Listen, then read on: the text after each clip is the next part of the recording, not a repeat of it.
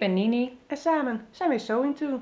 Pompiedom. Ja. Dat duurde even. Vol spanning zitten wij af te wachten naar die recorder te kijken wanneer die op één seconde springt. Nee, vandaag, vandaag wel heel lang, of niet? Nou, Of ben ik gewoon extra ongeduldig vandaag?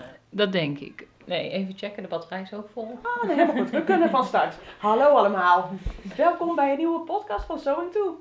Ja, vanavond gaan wij het hebben over Sewing is my therapy. Ja, dat horen we best vaak, hè? Ja, dat is een slogan die heel vaak wordt ingezet op social media. En eh, nou ja, zelf zijn we natuurlijk allebei, eh, zitten we in het eh, hulpverleningsgebied, hulpverleningsvak. En wij zijn echt van mening dat die slogan waarheid is. Waarheid als een koe, zou ik zo zeggen. ja. Helemaal waar. ja, zeker. En we vonden het leuk om daar vandaag even aandacht voor te hebben.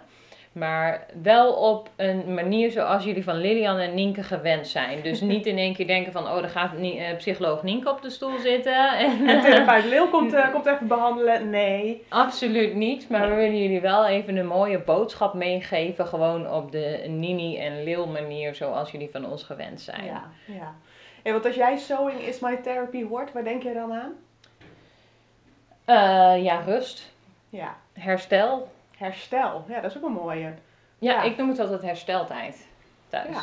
Ja, en die is soms wel nodig. Zeker, zeker. Ja, Noem jij het ook zo? Of wat, wat, heb- ja ik, herstel vind ik wel een mooie term, maar het is in ieder geval me-time. Oh ja, ja, me-time. Ja, is ook wel, ja. eh, maar dat klinkt ook een beetje, een beetje sleazy, maar in ieder geval gewoon, gewoon fijn iets voor mij. Zo is het bij mij ook begonnen, hè, een aantal jaren geleden. Ehm, toen ik voor op naailes ging, was het ook het idee van, joh, dan heb ik in ieder geval één avond dat ik niet met werk of kinderen bezig hoef te zijn. Dat is mijn tijd, dan ga ik iets doen wat ik heel leuk vind. mhm. Dus ja, ja hersteltijd.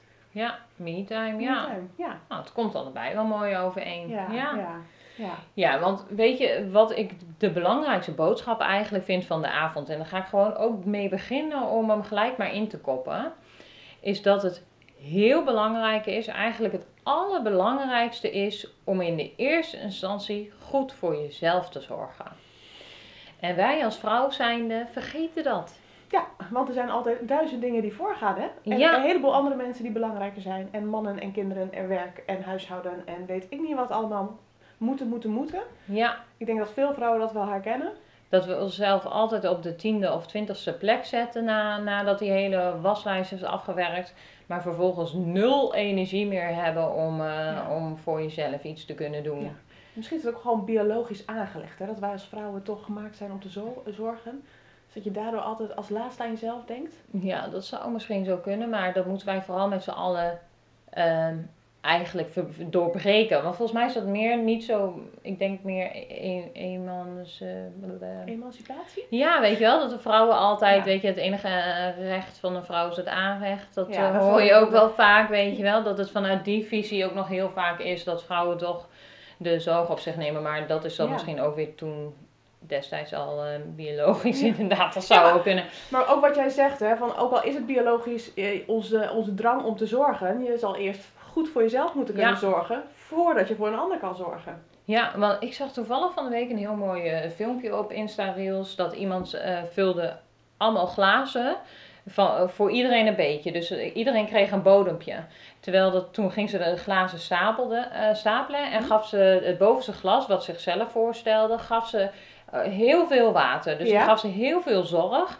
En daarmee overstroomde zij dus in zorg. En had ze dus die energie over. En stroomde alle andere glazen ook vol. Ja. In plaats van dat het water een keertje op was. Ja, ja mooie, hele mooie beeldspraak. eh, Ja, misschien moeten we even dat filmpje opzoeken of Ja. nahaken om hem even in onze stories te zetten. Ik vond hem heel symbolisch, Ja, want dat is het wel eigenlijk. Hè. Als je goed voor jezelf zorgt, dan zorg je dat je energie in balans is. En door die balans kan je eigenlijk veel beter voor je omgeving zorgen. Of heb je misschien zelfs wel meer energie om dan toch die hele waslijst af te werken die je wil- graag ook wil doen. Omdat je daar ook weer op een bepaalde manier een fijn of een rustig gevoel van krijgt als die waslijst weg is. Maar om daar te zorgen dat het in balans is, dat je niet te veel energie slurpt, maar ook energie krijgt, waardoor je een hele dag kan volhouden of weken of maanden, moet je dat gewoon in balans brengen door ook die Ja. goede zelfzorg te hebben. eerst herstellen en dan kan je er weer tegen. Ja. Ja, iedere sporter weet het. Hij is al erg. Nou, niet dat ik veel van sport weet Nee, natuurlijk. maar ik wou net zeggen dat. hmm. Maar iedere sporter weet dat je niet alleen maar kan rennen, sprinten of eh, doen, eh, spo- sportief bezig zijn. Dat je af en toe ook heel even rust moet hebben, zodat je er daarna weer tegen kan. Ja, zeker. Ja. Ik moet wel zeggen dat ik dat zelf ook nog steeds wel een gevecht vind hoor. Ehm, om, om dan even een voorbeeld van mezelf te nemen, is mijn, mijn dochtertje is dan drie. Nou, en eerder sliep ze natuurlijk meerdere keren per dag. En nu is het eh, één keer per dag een rustmoment ook. Want zij heeft ook haar hersteltijd nodig. En de ene keer valt ze nog in slaap en de andere keer niet meer. Ehm, maar weet je, dan was ik altijd geneigd van, oké, oh, in het begin dacht ik van, oh, dan ga ik dan het huishouden doen. Dan ga ik dan de ramen lappen en dit doen en dat doen, want dan ligt zij te slapen. En vervolgens was ik helemaal uitgeput als zij nog uit bed moest komen. Ja, ja, en dan moet je nog een halve dag. En, en dat vreet ook energie, dus dat ging echt niet werken. En aan de andere kant dacht ik ook, weet je, heel goed voor de opvoeding. Als zij het ook leert, ze vindt het geweldig om met een emmertje en een eh, sponsje erbij te staan. En ook Ja. haar eigen stoeltje en kastje schoon te maken. Hè? Dat is dan ook een manier van opvoeden, denk ik. Ja, en ook gezellig samen met mama. En dan vinden ze het nog leuk, dat schoonmaken. Precies, precies. En, en, maar weet je, zij heeft haar herstel nodig. Hè? Even weg uit alle prikkels die ze krijgt van andere kindjes, van spelen, van bewegen, van noem maar op. Een kind heeft heel veel prikkels te verwerken. En eh, in mijn geval vindt ze het heerlijk om dan eventueel, als ze niet slaapt, een boekje erbij te pakken. Die heeft ze binnen handbereik. En dan gaat ze gewoon in de bedje zitten lezen. En zij is vervolgens de hele middag veel beter te pas dan wanneer ik haar niet dat uurtje in bed stop. Maar hetzelfde geldt voor mij. Ja. Als ik dat uurtje even lekker iets voor mezelf ga doen, ja, en 9 van de 10 keer is dat dus in mijn geval naaien, eh, eh, ben ik ook de hele middag veel vrolijker en beter te pas, waardoor je een supergezellige middag hebt samen. En toch, hè, want het klinkt helemaal goed. eh, Je hebt hartstikke gelijk, maar je hebt hier ook vast wel momenten gezeten dat je je enigszins schuldig voelt. Dat jij hier gezellig zit te naaien, terwijl er beneden nog van alles moet gebeuren. Ja, of, oh, en eh, nu zit ik in zo'n fase dat ik me schuldig ga voelen dat als ze wakker blijft. Oh ja. Zo van, oh, dan zit ik op het zolder te naaien en dan ligt zij wakker in bed. Ja. Dan ben ik wel een goede moeder. Oh ja. Maar ja, dan probeer ik eens een keer niet een slaapje, want dan heb ik een meidendag bedacht of zo. En dan, maar dan is zij vervolgens om drie uur is zij ook moe en zagrijnig en jengelig en hangerig. En dan eh, denk ik, ja, nou had ik hem maar in bed gelegd, want dan had ik de hele middag nog gezellig met haar gehad. Ja, ja, even zo'n uurtje. Ja. En het hoeft niet eens veel te zijn. Hè. Een uurtje, een half uurtje is, is gewoon vaak al genoeg. En dan kan je de rest van de middag er weer tegen. Ja, ja, zeker. En dat hebben wij ook al eerder in een podcast genoemd. Hè? Dat we zeiden van dat is zo fijn als je wel een eigen ruimte hebt. Want dan kan je gewoon zeggen, even een kwartiertje achter de naaimachine of Ja. even een half uurtje. En als je dat al helemaal moet opbouwen, dan is je tijd al bijna weer voorbij. Ja, dat is denk ik wel de luxe van een eigen plek. Eh, of een, iets waar je alles kan laten Ja. staan. Dat heb je dan wel nodig om even aan te schuiven.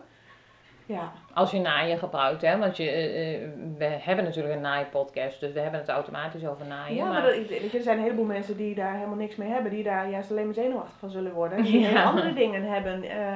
en andere passies hebben. En op andere manieren herstellen. Ja. Kijk, ik heb me laten vertellen dat voor sommige mensen dat sporten is. Ja, ja, ook zeker. Ja, ik heb, ik heb gewoon heel veel me-time nodig. Ik ben een persoon die alle ruimte nog. Nee, wij eh, eh, sporten doe ik als ze slaapt, terwijl het eh, s s'avonds. Ja. Of soms doe ik het ook met haar, want Ja. het is ook heel goed voor haar om te sporten en te bewegen. Hè. Ze, buiten het feit dat ze moeite heeft om te bewegen, is het sowieso voor elk ander kind heel Ja. goed om te bewegen. En in haar geval stimuleert het extra. Dus, eh, Ja, ja, dus dat is ook alleen maar leuk. Maar hoe doe jij dat? Want jouw kids die liggen Die slapen niet niet meer. meer. Nee. nee, nee, die goede mooie tijd is, eh, is voorbij. Maar nog steeds heb ik wel hersteltijd nodig. Maar dat is dan voor mij vooral de avonden. Ehm, en eh, ja, niet voor niks naai ik in de woonkamer. Als zij lekker zitten te Lego, te bouwen, te tekenen of eh, een filmpje kijken of een spelletje spelen op de tablet, kan ik even naaien. Dus dan is het ook hersteltijd. Maar Ja, dat is als ze ouder worden kun je misschien, heb je dat natuurlijk ja, wel minder weer. int- intensief. Ehm, en ik merk eh, dat ik beter herstel, of, of in ieder geval energieker word van een avond achter de naaimachine als voor een avond voor de buis. Ja, Hè? En ik wil echt niet zeggen, ik vind het af en toe heerlijk om een Netflix-serietje of een filmpje te pakken en een, een stukje chocolade op de bank te hangen. Dat gebeurt ook echt wel. Maar ik word echt veel, veel, eh, ik sta, ja, ik ga energieker naar bed. Ik sta vrolijker weer op als ik even een avondje wat gedaan heb. ja, Ehm, vooral ook omdat het, ik, ik, ik merkte heel erg, hè, ik heb, binnen mijn werk heb ik eh, best wel dingen waar je over na moet denken, soms lastige gesprekken, best wel veel cognitieve dingen. En ik merk, achter die naaimachine kan je alleen maar met naaien bezig zijn. Ja. Of in ieder geval, dat kan ik dan goed uitzetten. Ja. Eh, dan ben ik niet bezig met dit moet ik eigenlijk nog doen, of zus moet ik eigenlijk nog doen, of eh, op mijn werk moet ik zo doen, of hoe zou ik dat aanpakken? Of dat lastige gesprek, hoe ga ik dat voeren? Ja, ja, ik ben dan wel bezig met, oh, hoe kan ik die mouwen straks goed inzetten? Hoe moet dit of hoe moet zus? Maar ik heb echt het idee dat ik letterlijk een ander hersengebied aanspreek ja. en daardoor tot rust kom. Eh, dus, dus dat is voor mij ook, Ja. dus herstellen is ook, ook echt even met iets anders bezig zijn, met je Ja. handen bezig zijn en niet alleen maar met dat denken. Ja, met je hoofd. Ja. Ja. dat vind ik wel zo mooi. Ik krijg wel eens de opmerking van eh, eh, familieleden, die, die dan wel bezorgde familieleden zijn, die mij zo druk zien zijn. Nou, dat, zien, dat zijn ze gewend natuurlijk, want ik heb ADHD, dus druk ben ik al mijn hele leven al geweest. Maar ehm, die dan wel zeggen van, goh Nienke, neem eens, ga eens even ontspannen, of neem eens eigen tijd, of...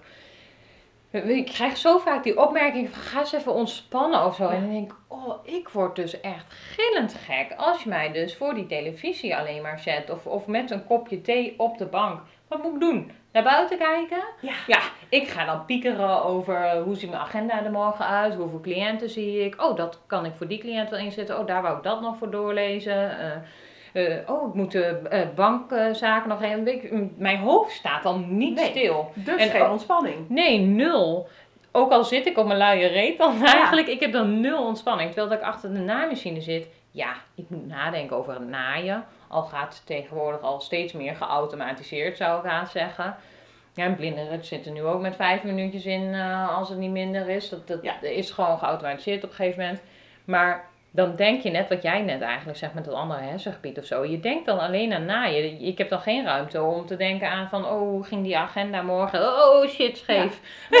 Nee, je bent gewoon met iets anders bezig. En ja. Ja. dus dat is echt een andere vibe. Ik, ik heb ook wel eens laten vertellen dat, dat creatief bezig zijn ook een, een vorm van mindfulness is. Hè? Ja. Dus echt focus op één ding. Eh, ja, daar geloof ik ook echt wel in. Terwijl ik echt niet de type ben voor een mindfulness cursus om met eh, eerst een hele avond naar een rozijn te gaan zitten staren. Maar ik kan wel heel mindful creatief zijn. Ik ga heel plat, Leeuw. Nee, is heel serieus. Bij iedere mindfulness cursus ga je eerst naar een rozijn staren. Volgens mij. Nee, nee, dat niet. Maar, ehm, oké, ja. Ik snap wel wat je bedoelt. Ik snap wel. Ja. En ik, eh, volgens mij onze luisteraars ook wel. en Anders hebben ze gelachen. Nee. Ja, sorry, maar dat zo werkt mijn brein Ja. niet, zeg maar. Ik ontspan veel meer van toch wat doen en iets maken, iets creëren, dan...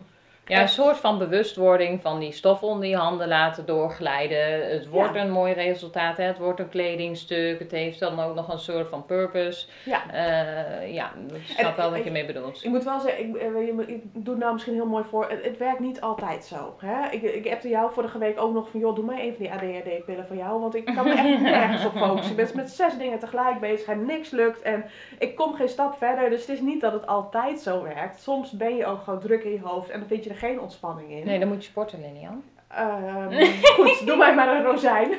Ja. Oh, echt? Oh. Nee, maar dus het is niet dat het altijd zo werkt, maar vaak wel. Ehm, en wat mij Ja. dan ook wel helpt, is dan toch een ander projectje kiezen. Of even wat dingetjes toch maar gewoon gaan doen. Dat dat voor mijn Ja. werk ligt en voor, dat dat geregeld is. Wat en dan ik- verder. Maar Sorry. nee, Ik onderbrak je. Nee. Ja, mag ik? Of Ja, mag hoor. jij? Ja, ja. Wat ik dan altijd doe is ehm, iets heel simpels Ja. naaien. Gewoon, ik heb standaard, dus die bakjes, dat hebben jullie allemaal al voorbij zien komen op Instagram. Zo niet, kijk even terug. Met de rondleiding in het atelier of de foto's. Maar ik heb altijd bakjes en er ligt altijd iets heel Ja. simpels in klaar. En vaak ligt er meer klaar dan dat ik kan naaien. Want dat knippen en plakken en tekenen, dat doe ik dus inderdaad als Manon ook wel eens lekker in een speelhoek. eh, dat je het zo combineert. Maar dan heb ik altijd, als ik gewoon even iets moet afreageren, boos ben, verdrietig ben.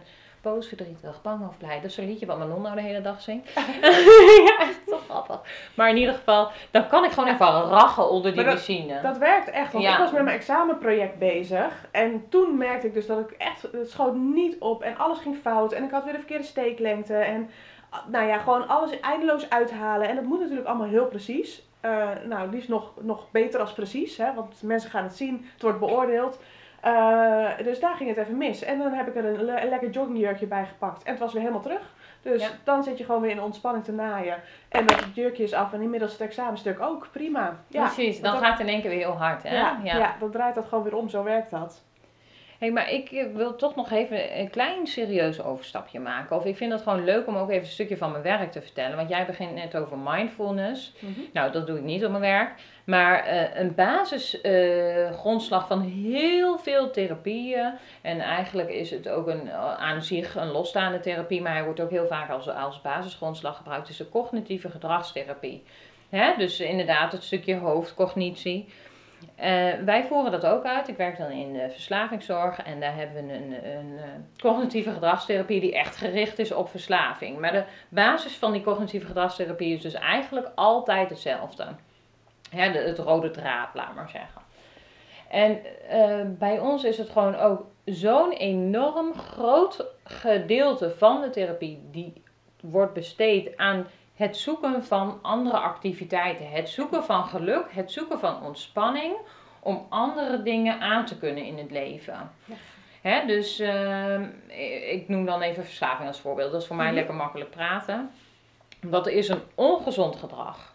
Hè, dat willen heel veel mensen vervangen. En dat vinden ze heel lastig om te vervangen, want dan stoppen ze. En als je stopt, dan heb je dus geen vervanging. Dan ga je iets missen. Dan ga je craving, trek ga je dan krijgen omdat je uh, uh, vaak een middel inzet om ontspanning of rust te krijgen. Hè. En, 9 van de 10 cliënten die gebruiken omdat ze of rust in hun hoofd Ja. willen of een trauma willen Iets te vergeten. dempen of eigenlijk. eigenlijk 9 van 10 keer om iets te dempen. En als je dat dus op een andere manier gezond gedrag aanleert, waardoor dat ongezonde gedrag minder belangrijk wordt, dan heb je ook niet zo'n grote stap naar bijvoorbeeld die craving of trek hebben, omdat wanneer je afgeleid bent en druk bent met iets anders, eh, minder trek kan hebben. En wanneer je succes ervaart in hetgeen wat je nieuw aan het leren bent, wat je leuk vindt, maar ook succes ervaart in het feit dat het dan wel makkelijker lukt om de stof, al die succeservaringen, hè, die positieve opvoeding die ook voor kinderen zo erg gehanteerd wordt, die zorgen ervoor dat je dan nieuw gedrag ook ehm, in kan prenten in je hersenen om dat oude gedrag eigenlijk weg te vagen. Hè? Want als je op een gegeven moment toch een lastige periode bent, dan is het heel automatisch om weer terug te vallen in het oude gedrag wat je al tien jaar gewend bent. Ja. Maar als je zoveel succeservaringen hebt en daar heel veel profijt van ondervindt, dan ga je, dat min, ga je minder snel terugvallen in het oude gedrag. Even heel kort door de bocht natuurlijk. Maar dan moet je dus altijd wel iets kiezen wat bij je past. Ja, dat wat moet je na- passie ja. zijn. Dat moet aan je hart liggen. Dat moet echt bij jou als persoon passen. En dat is dus heel cliëntspecifiek. Want ik kan dus helemaal fan zijn van naaien. Nou, eh, vind maar eens een cliënten die fan zijn van naaien en heb je al- kleding heb jij, eh, maken. Heb jij cliënten die, die aan het naaien gekregen? Nee, nee, dat Nee. niet. Hoeft Maar ook, eh, weet je wel, ik ben dan zelf ook heel erg van sporten. Nou, sporten, dan gebruik je ook weer bepaalde hersenreceptoren die ook weer eh, eh, samenhangen of eh, eh, hetzelfde effect kunnen geven als middelen. Dus dat zetten wij ook heel vaak in sport om gewoon ja, een bepaald gevoel op te wekken bij cliënten. Om het maar heel hè, niet diepzi- diepzinnig erop in te gaan. Of hoe zeg je dat? Zo diep op in te gaan. Maar we- je moet gewoon zoeken naar iets wat bij de Ja. cliënt past. En daar hebben we natuurlijk allemaal hulpmiddelen voor wat, om uit te zoeken als een cliënt niet weet wat bij ze past. Maar zo geldt het ook voor psychotherapie. Hè? Eh, dat is ook altijd zoeken van wat past bij jou. Waar word je vrolijk van? Hoe ontwikkel je meer zelfvertrouwen om, hè, als je het hebt over zelfbeeld of mensen die dan trauma's hebben gehad of, of eh, hè, eh, faalangst hebben opgelopen. Hoe ervaar je succes? Om iets te doen waar je goed in bent. Ja. En waar je goed, iets waar je goed in bent, het is vaak omdat je het leuk vindt om te doen. Ja, ja. Hè, dus eh, zo, gaan, zo hangt dat heel mooi met elkaar samen. En zie je eigenlijk dat het dus die eerste boodschap waar ik net de, de podcast mee begon. Eigenlijk de hoofdboodschap is dat je altijd goed voor jezelf moet zorgen. Iets moet doen waar je blij van wordt. Ja, grappig eigenlijk dat je die parallel ook zo door kan trekken van je, je hobby, je passie naar je werk. Hè, dat je daar ook zo die lijn ziet. Want volgens mij is dat de basis. Zoek iets wat bij je past. En eh, zoek, ga zoeken naar gezond gedrag om eventueel slecht gedrag af te leren. Ja. Ja. Ja, ik heb wel dus een collega gehoord bijvoorbeeld ook, die dan eh, vier dagen bij ons werkte als hulpverlener en één dag in de week nog ergens in de winkel stond. Ja.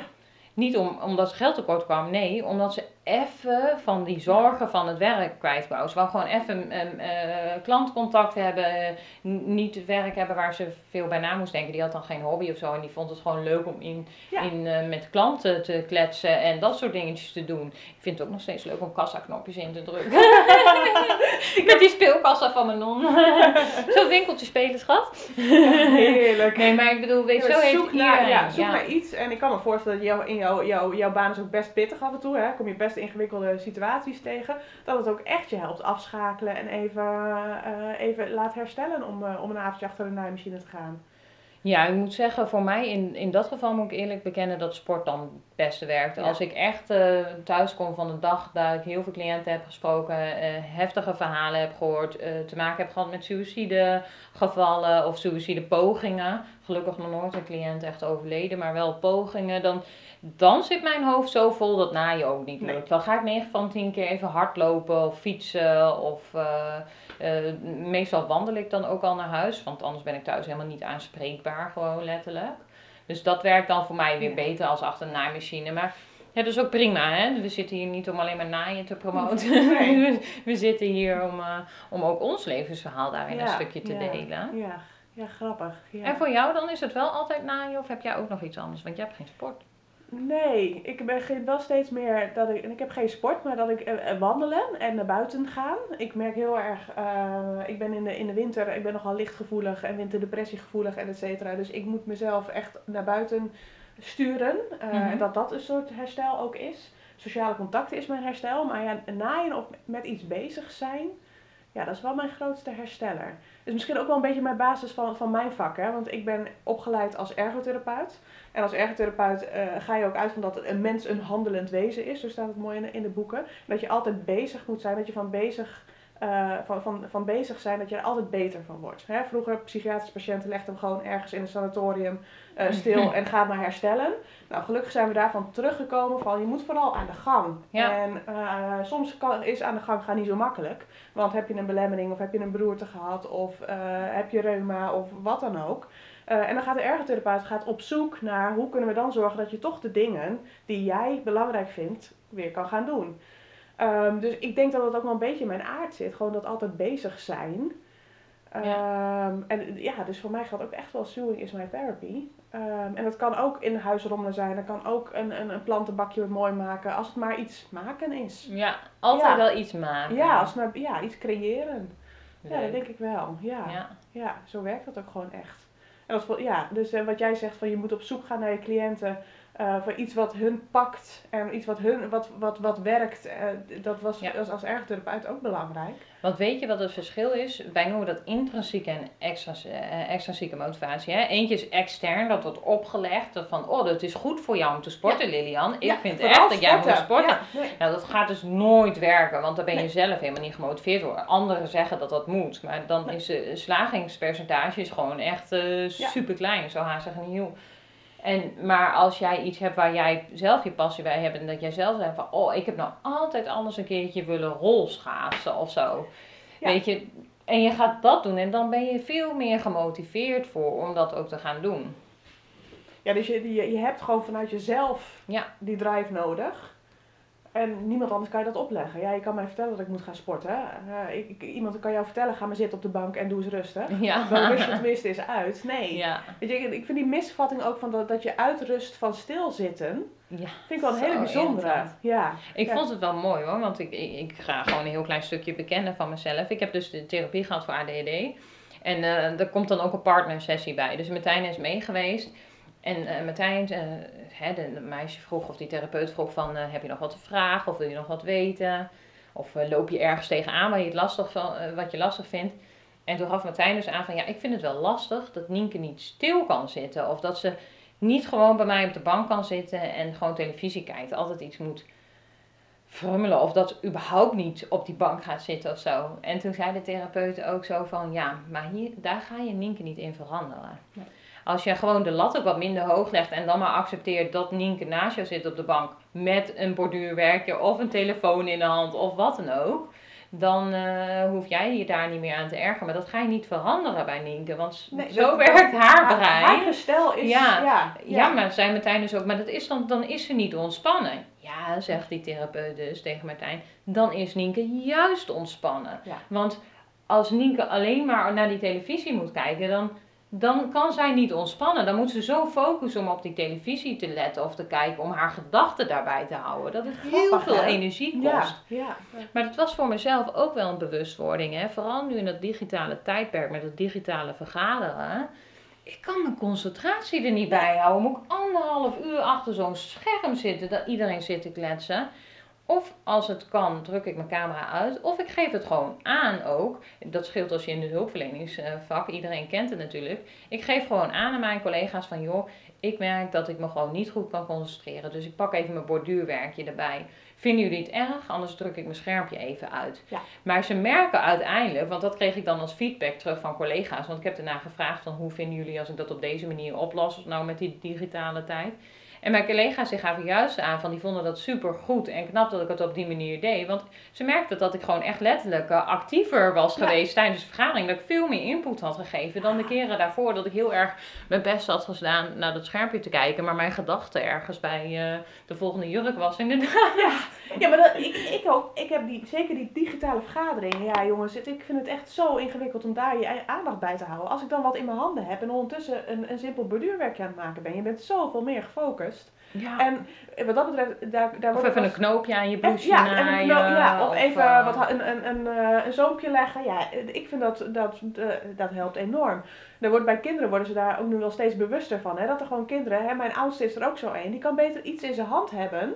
Hè? eh, Ja, al is het gelukkig, een, eh, een- iets ja. hebben, eh, dan kan hij zich beter eh, focussen. Als dat wij zeggen, ga met je billen op de kom, op, de- ga goed zitten, stilzitten. Dat zit er gewoon niet in. Zo is die niet gebouwd. Dus, eh, dus dat daar ook steeds meer ruimte voor komt. Gelukkig wel. Gelukkig wel. Ik denk dat het heel veel mensen goed zou doen. Maar ook de stigma, hè, dat is wat wij nu in deze podcast proberen over te brengen. Is het stigma van als vrouw zijnde je moet dit of je moet dat of je moet voor iedereen zorgen. Nee, zorg eerst voor jezelf. Je hoeft je niet te schamen als jij een uur per dag achter de naaimachine zit. Je hoeft je niet te schamen als jij liever even een kledingstuk maakt in plaats van die wc poetst. Het komt allemaal wel. Ja. Neem die tijd en die rust. Zorg goed voor jezelf. Ja, ja, ja. En, en voel je niet verplicht om het te doen, maar gun het jezelf wel. Dat is denk ik wel, eh, wel de boodschap.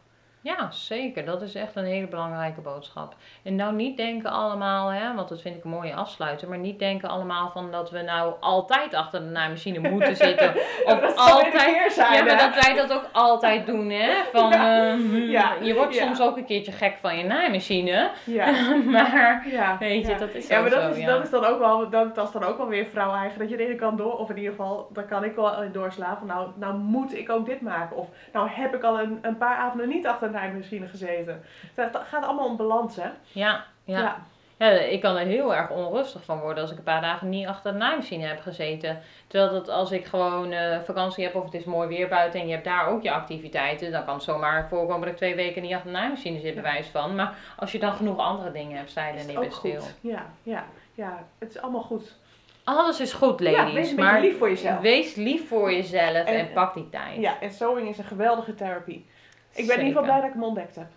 Zeker weten, die laten we niet meer los. Ja.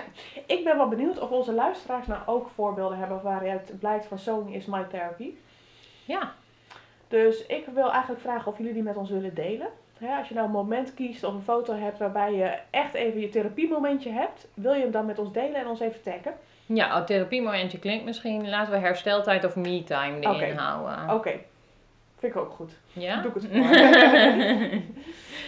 Ik denk dat dit hem weer was. Ja, zeker. Ik kan ze nog eh, meer volklessen en jij volgens mij ook. Maar we moeten bij de kern blijven en dat is goed voor jezelf zorgen. Helemaal goed. Eh, fijne avond, middag, ochtend, wanneer je dit ook luistert en tot de volgende keer. Doei!